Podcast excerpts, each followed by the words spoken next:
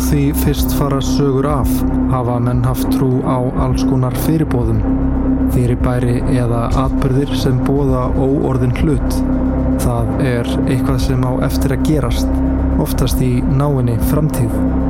Fyrirbóði er því einhvers konar spá eða viðvörun um eitthvað sem á eftir að gerast og koma oftast í draumum.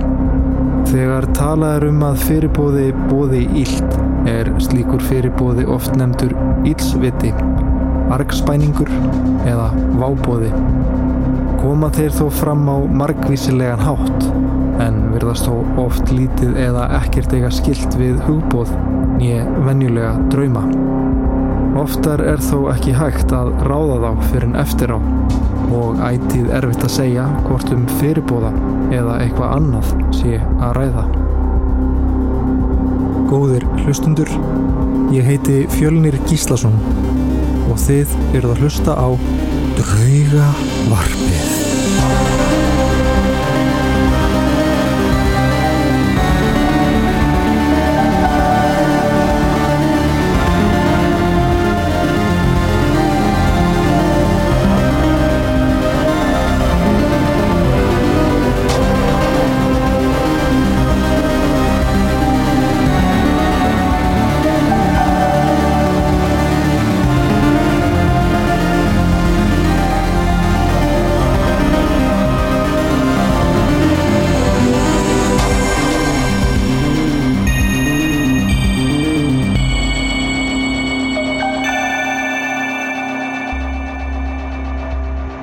Varpið. Austurbæjar skóli er grunnskóli í miðborg Reykjavíkur.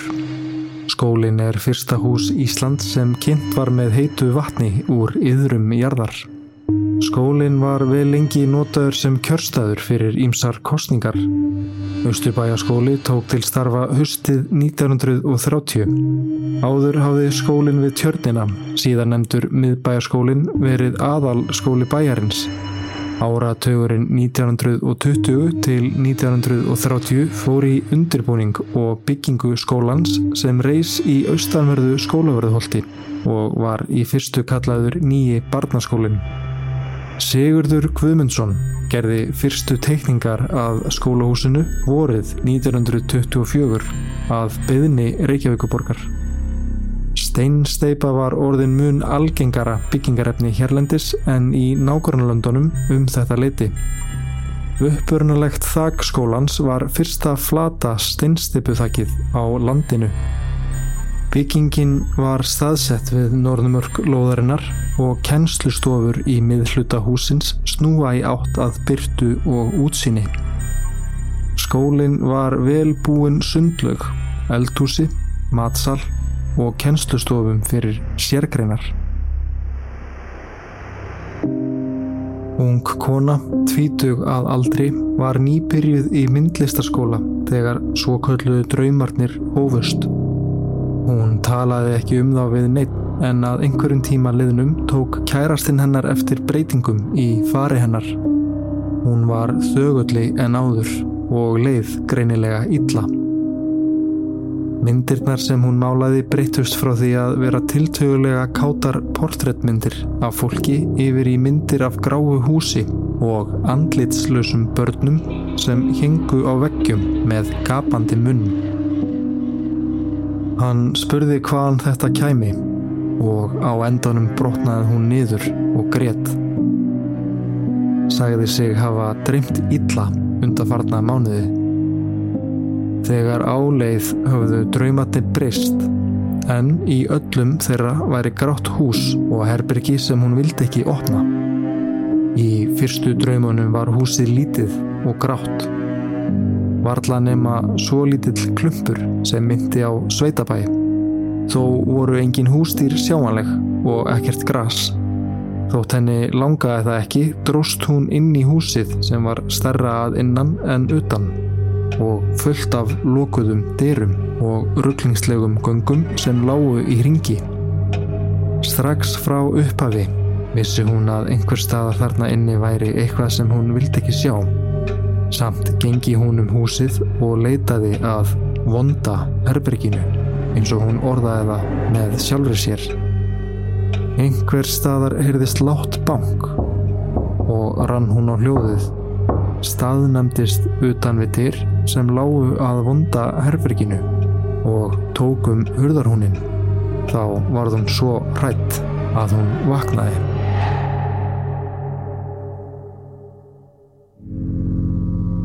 Í draumanum sem komu á eftir hafði húsið stækkað. Það var orðið nokkur að hæða hátt. Veggirnir hrjúfir af skelljabrútum og allt í kring voru fleiri áþekkar byggingar. Á göngum húsins voru börn sem reyfðu sig ekki heldur hingu reyfingarlaus á snögum á vekkjónum eins og þau varu dáin. Andlið þeirra voru hvít og án svipregða sem voru með gapandi munn og sprikluðu fótonum. Það var bankið sem hún heyrði. Hún var ekki færum að stjórna reyfingum sínum og dróst um ganga húsins upp tröppur á aðra hæð þar sem var samskonar gangur með hangandi börnum og loks upp á þriðju og efstu hæð húsins. Þar voru engin börn, heldur lokaða dyr sem hún vissi að læju að kennslustofum. Við enda gangsins gekk hún inn í eina stofuna sem var full af borðum og stólum. Í stofunni voru enn aðrar dyr og um leið og hún sá þær vissi hún að þær læju að vonda herbrekkinu. Þótt hún reyndi að stöða sig dróst hún að dyrunum, erði látt bank og sá sér til undrunar að það var hún sjálf sem bankaði á hurðina. Dyrnar opnuðust og lokuðust strax á eftirinni. Hún stóð inni í þröngu og dimmu herbergi og svipaðist um Á einu vegnum hekk manneskja á snaga, ekki barn heldur fullorðin kona með sítt dögt hár. Hún spriklaði fótunum og laud höfði svo ekki sást í andlitið. Fætur konunar hrefðust æg hraðar þar til hún var á harðar hlaupum skamt ofan við golfið. Þá leit hún upp og augu hennar full af örvætingu horðu byggjandi til hennar sem vissi um leið að hún þekkti konuna.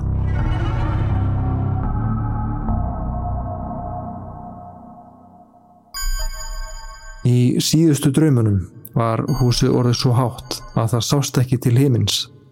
Á malbygguðum leikvelli framann við ingangin stóðu börnin reyfingalös, störðu upp í eitt klukkan og lögðu við hlustir.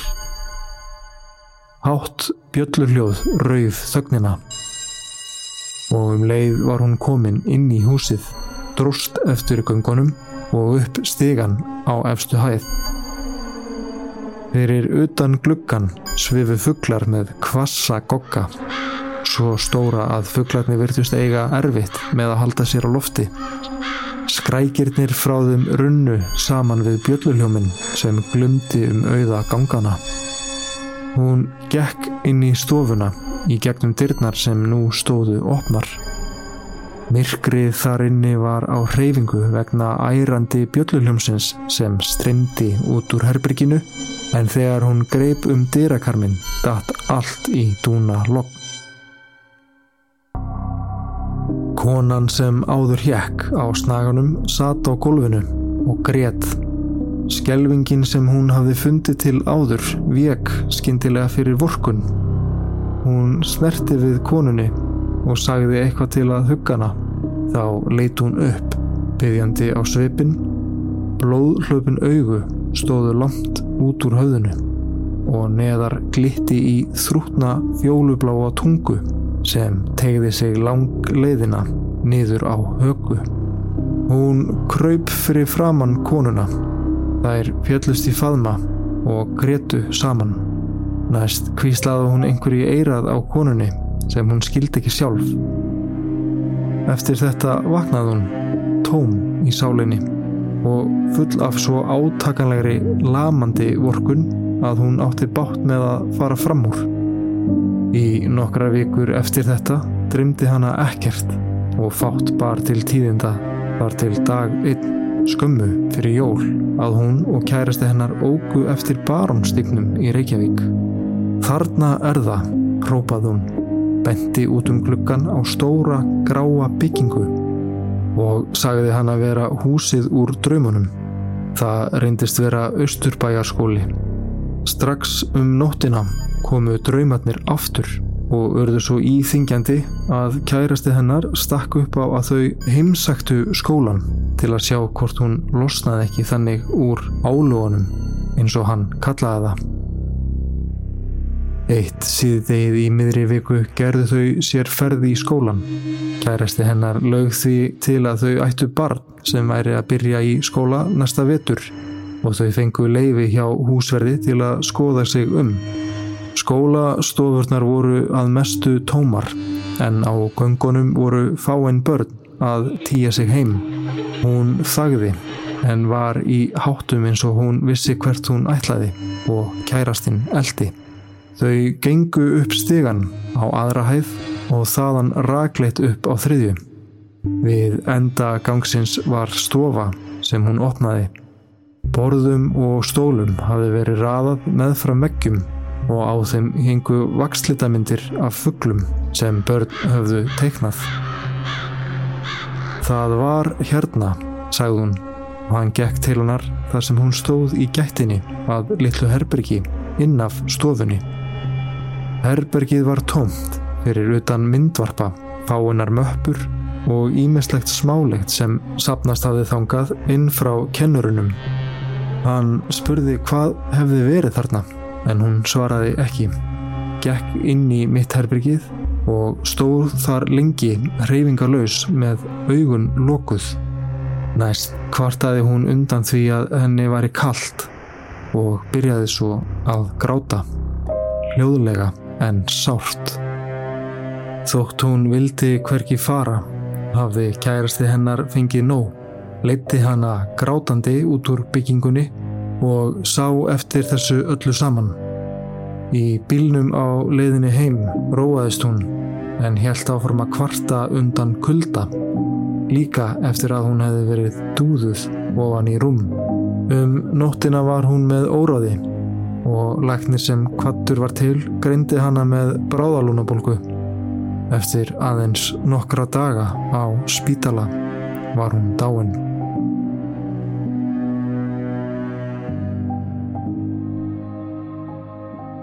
Þegar fáinnin mánuður voru liðnir frá jarðaförinni gerði kærasti hennar sér ferð í skólan Hann vissi ekki hvað hann ætlaði sér en tenging húsins við dauða hennar var skýr í huga hans og gat hann ekki sætt sér við þá rauð atbyrða sem leti þau inn í þetta bölvað hús. Eftir að hafa tíundað söguna sína í brefi sem hann sendi skólastjórunum fegst einn kennarana til að hitta hann og leiða hann um skólan. Þeir fóru aftur í stofuna sem er nummer 209 og að námsgagnageimslunni inn af henni. Samkvæmt kennarnum hafði skúringakona hengt sig þar inni skömmu eftir að hún hóf störf við skólan. Hann sagðist ekki þekkja öll smáadriði málsins en taldi að konan hefði verið ein af fyrstu svo kölluðum nýbúum Íslands aðflutt frá einu af líðveldum Sovjetríkjana og búið við kröpp kjör í íbúð nálagt skólanum ásamt barnungri dóttursinni. Hann benti á blett í lofti herbergisins þar sem sparslað hafi verið upp í hólu og sagði þar eitt sinn hafa verið krók sem konan hefði fært sér í nitt. Fest á hann ramagsnúru, brugðið líkju á endan, stíið upp á stól og stungið höfðinu í líkjuna. Hann sagði ljóst að sjálfsmorð konunar hefði sprottið af mikilli örvætingu og hún hefði gert þetta í skólanum til að koma í vekk fyrir að dótterinn og fóstra hennar kæmu að sér. Eftir dauða hennar tóku að heyra stingir í herberginu eins og frá fótum sem sprikluðu utan í vegg og allir stólar sem væru geimtir þar inni yldu á hliðina. Ef dyrnarað herberginu voru opnaðar lokuðust þær jafn hratt aftur og rimlagluggatjöldin heldust aldrei uppi nema rétt á meðan einhver væri þar inni. Fyrir nokkrum mánuðum hefði þetta breyst eins og kennarin vissi best sjálfur Hann hafði kent í þessari stofu í mörg ár. Nú heldust dyrnar ekki lengur lokaðar. Hins vegar hefði bæst við óþægilegt hljóð sem heyrðist þó ekki fyrir en síðdegis um það leitið sem álitið væri að konan hefði fyrirfarið sér. Ljóðlátur en sár grátur eins og frá ungri stúlku. Kærastinn spurði hvað vita væri um aðdrif dótturinnar og kennarinn sagði hana hafa verið sett á vist hjá fósturfóruldurum í öðru hverfi bæjarins og taldi ólíklegt að henni væri kunnugt um aðdrif móðursinnar. Ætli það hefði ekki verið og verfitt fyrir hana, sagði hann og leitt undan. Þorstein Eilsson á borg í Gunnlaugsögu, Ormstungu, sagði að ekki er mark að draumum þegar hann var beðin að segja frá draumi sem hann hefði dreymt. Þorstein var auðvitað að tala um hugsér en það segir hann síðar frá draumnum og hann var ráðinn sem forsögn um æfi og ástir Helgu dóttir hans sem þá var í móðurkviði. Sumir virðast telja að draumar séu yfirnáttúruleg fyrirbæri og að í þeim geti falist eins konar spátumur um framtíðina samkvæmt þekkingu og vísindum nútímans þar á meðal rannsóknum á svefni og kenningum Freuds og annara um undirvitund eða dullvitund eru draumar hins vegar ekki yfirnáttúrulegir frekar en önnur starfsemi mannshugans svo sem beinar hugsanir. Ekki er vitað með fullu hvort sagan í Östubæjaskóla sé með fullu sönn þar sem erfitt er að finna heimildir og aðeins um frásagnir er að ræða. Höfundar allra alda hafa verið fulljóst að draumar fela í sér ímiskonar bóðskap og forsagnir þar á meðal um óorðna hluti eða áður og þekta. Þetta kemur meðal annars glögt fram í Íslendingasögunum þar sem draumum er gert hátt undir höfði.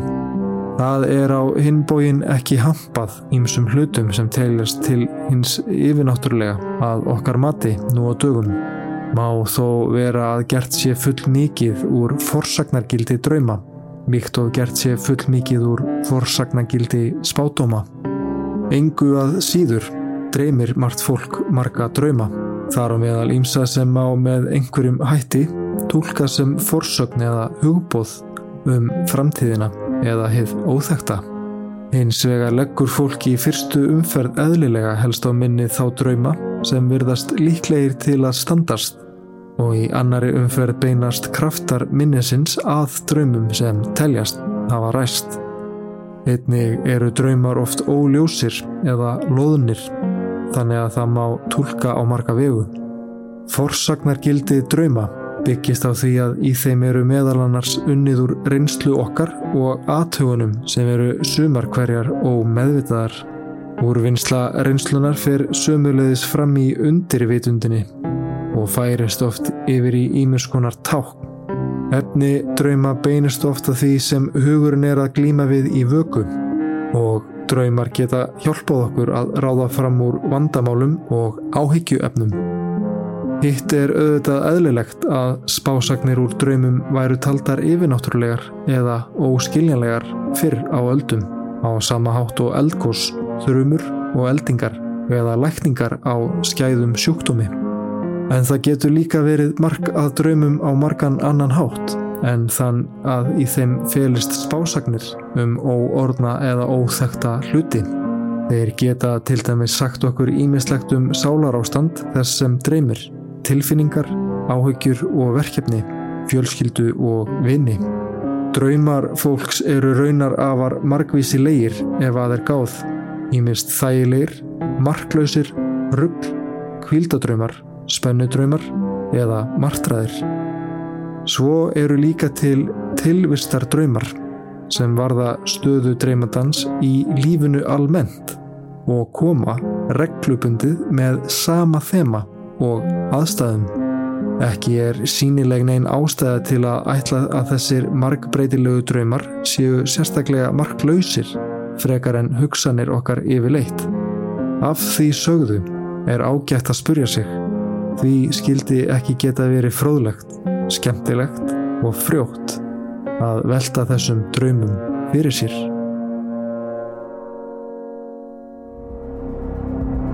Við gerð þáttarins voru heimildir notaðar úr Rimleikar í Reykjavík eftir Steinar Braga og Vísindavefurinn er mark að draumum höfundar Sigrún Júliustóttir, professor í félagsrákjöf og Þorstein Viljámsson, professor og fyrrum rittstjóri Vísindavefsins.